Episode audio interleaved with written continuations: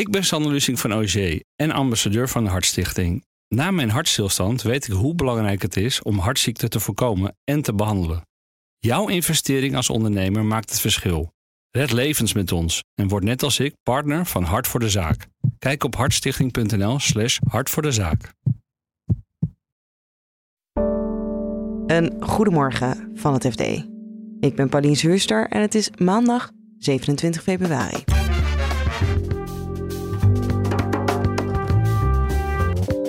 Projectontwikkelaars die hun nieuwe huurwoningen niet kunnen slijten aan beleggers doen een beroep op woningcorporaties.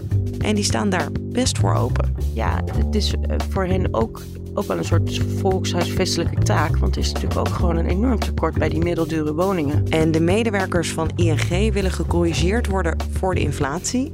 Maar dat wil de bank niet doen. Als je het eh, geld uh, dat overblijft besteedt aan een verhoging van de CAO, dan houd je het niet over om terug te geven aan je aandeelhouders. En dat is wat ze eigenlijk wel willen doen ook. Dit is de dagkoers van het FD. We beginnen op de woningmarkt. Door de snel gestegen rente en de aangekondigde regulering van de huursector raken projectontwikkelaars hun nieuwe, middeldure huurwoningen niet kwijt aan beleggers. En dus kloppen ze aan bij woningcorporaties. Onze woningmarktredacteur Nelleke Trappenburg legt uit waarom. Nou, ontwikkelaars zoeken natuurlijk naar een partij die die woningen kan afnemen, um, zodat de bouw van hun project wel door kan. Ja, en dan eh, komen ze toch steeds vaker nu bij corporaties uit. Um, wij hebben verschillende corporaties gesproken en, en, en ja, een aantal van hen zeggen dat ze echt de laatste tijd veel vragen krijgen of zij dan misschien een deel van de middeldure huurwoningen kunnen afnemen. Zeker bij projecten waar een corporatie bijvoorbeeld al de sociale huurwoningen heeft. Ja, en dan toch, als zij dan ook, ook die middeldure huurwoningen uh, voor rekening nemen, dan, dan kan zo'n project door. En staan die corporaties daarvoor open? Zeker eh, bij projecten waar ze dus ook dat sociale deel hebben, overwegen die corporaties dat wel. Want ja, zij willen natuurlijk ook dat die sociale woningen gebouwd worden. Dus uh, dat is voor hen een beweegreden. En ja, het is uh, voor hen ook, ook wel een soort volkshuisvestelijke taak. Want het is natuurlijk ook gewoon een enorm tekort bij die middeldure woningen. Um, bijvoorbeeld ook voor, voor doorstroming, voor mensen die uit een sociale huurwoning naar een ander huis willen. Um, vinden ze het ook belangrijk dat die middeldure huurwoningen er zijn. En ook voor gemengde wijken. Dat het, ja, kijken zij toch ook wel hoe ze, hoe ze ook middeldure huur uh, in wijken waar ook veel sociaal is, zeg maar, uh, erbij kunnen zetten. En als het voor beleggers niet rendabel is, is het dan voor woningcorporaties het wel? Nou, woningcorporaties hoeven geen winst te maken, dus die kijken er anders naar. Maar goed, woningcorporaties uh, moeten natuurlijk vooral sociale woningbouw neerzetten. Maar er wordt nu ook wel steeds meer gekeken of ze ook, ook wel middendure huur kunnen gaan doen. De woningcorporaties hebben ook de taak van het kabinet gekregen om die komende jaren uh, 250.000 sociale huurwoningen te bouwen, maar ook 50.000 middeldure huurwoningen. Dus die hebben ook wel echt dat middeldure huurdeel erbij gekregen. Dus er wordt nu ook wel meer naar corporaties weer gekeken gebeurt dit ook al daadwerkelijk, dat woningcorporaties. Uh... Ja, er zijn al een, een paar voorbeelden. Um, Stadion heeft in Den Haag bijvoorbeeld uh, onlangs 350 middeldure huurwoningen gekocht. Um, en had ook al 200 sociale huurwoningen in dat project. in het project Galoen ehm, in Breda heeft een corporatie al wel um, ook 70 middeldure huurwoningen gekocht. Ja, toch met het idee dat zo'n project dan doorgaat. Ja. Heeft het dan nog financiële gevolgen voor die projectontwikkelaars als het een woningcorporatie is in tegenstelling tot een belegger? Ja, dat zal moeten blijken, maar ja, ik vermoed dat corporaties uh, uh, ja, wel zullen onderhandelen. Die willen natuurlijk niet de hoofdprijs daarvoor betalen. Um, bij Alwel hebben we de, dat project in Breda hebben we de um, ontwikkelaar gesproken, Realis. En die zei uh, ja, dat hij dat nu op de nullijn balanceert na de verkopen aan de corporatie. Dus ja, dat hij er, er weinig meer aan verdient. Maar hij kan nu wel door. Ik ben bijvoorbeeld in, uh, in Leeuwarden geweest. Daar zit een ING-kantoor met uh, 2100 uh, medewerkers. En daar zitten veel mensen aan de, aan de helpdesk, in de back-office, administratie te doen. Als je ze vragen stelt, dan beginnen ze eerst, of verschillende mensen die ik gesproken heb dan, over nou ja, goed, ze hadden natuurlijk vroeger goede hypotheekvoorwaarden. Ze hadden gratis treinreizen. Ze hadden een mooi kerstpakket en uh, jubileumfeestjes en allemaal dat soort dingen. Dat komt nu allemaal naar boven, dat dat allemaal verdwenen is. Omdat het spaak loopt met die uh, CAO-onderhandelingen. Je hoort onze bankenredacteur Matthijs Rotteveel. Die vertelt over de gespannen CAO-onderhandelingen bij ING. De vakbond wil in de buurt komen van de inflatie, zo'n 11% op jaarbasis. En de bank wil de lonen in oktober met 3% verhogen en dan een jaar later nog eens met 4%. En dat bod is niet genoeg voor veel van de ING-medewerkers. En als ik zeg veel, dan is dat echt heel veel, want ING heeft 14.000 medewerkers die onder een CAO vallen. Daarvan hebben 6700 zoveel tegen het laatste of uh, het voorstel van, uh, van de bank gestemd. Dus er zijn echt veel, veel mensen tegen. En je hebt vorig jaar inflatie gehad van 11% geloof ik in Nederland. Mhm. En ING heeft twee jaar lang geen collectieve loonsverhoging gehad. Dus die hebben toen corona kwam, hebben ze gezegd: oké, nou de bank zou het misschien wel eens moeilijk kunnen krijgen. Komende twee jaar uh, nul lijn.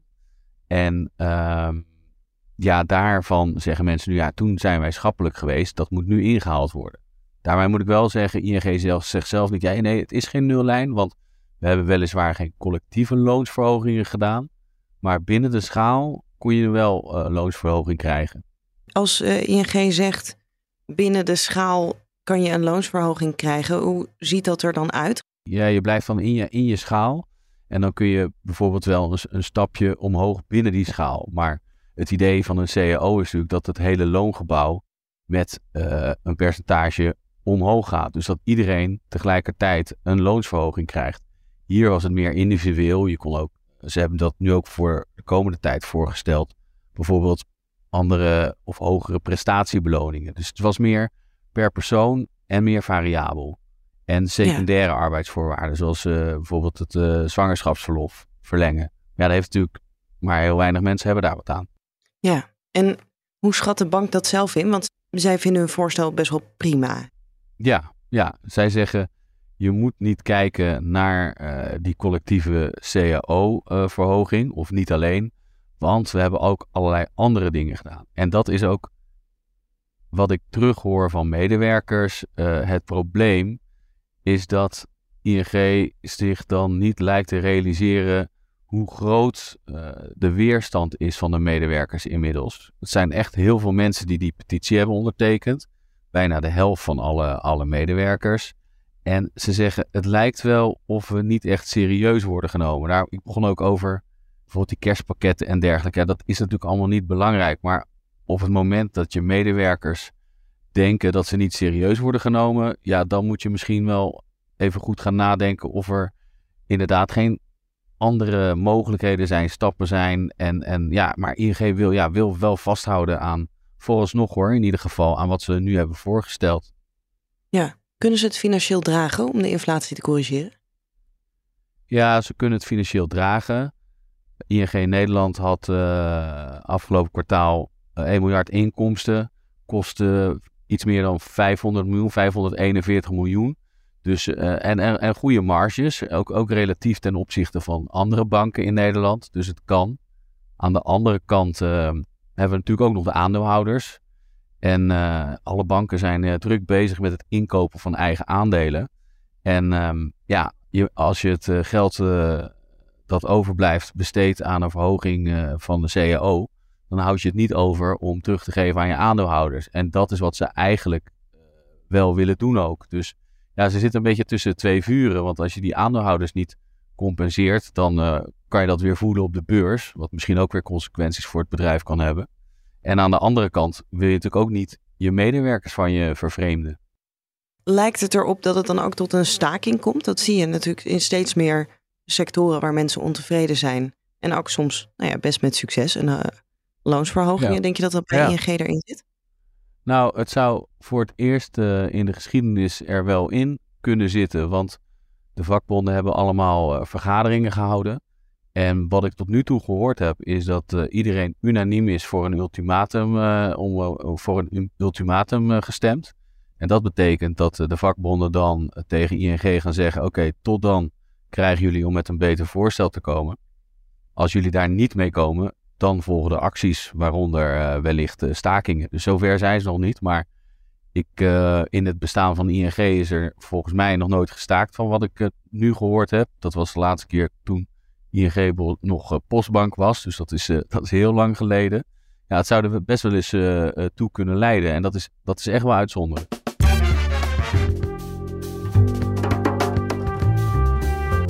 Dit was de dagkoers van het FD. Morgenochtend zijn we er weer met een nieuwe aflevering. Vergeet je niet te abonneren op Dagkoers in je favoriete podcast app. Dan krijg je die automatisch binnen. En houd ondertussen ook fd.nl in de gaten voor het laatste financieel-economisch nieuws. Nog een hele fijne dag en graag tot morgen. Ik ben Sander Lussing van OG en ambassadeur van de Hartstichting. Na mijn hartstilstand weet ik hoe belangrijk het is om hartziekten te voorkomen en te behandelen. Jouw investering als ondernemer maakt het verschil. Red levens met ons en word net als ik partner van Hart voor de Zaak. Kijk op hartstichting.nl/slash hart voor de zaak.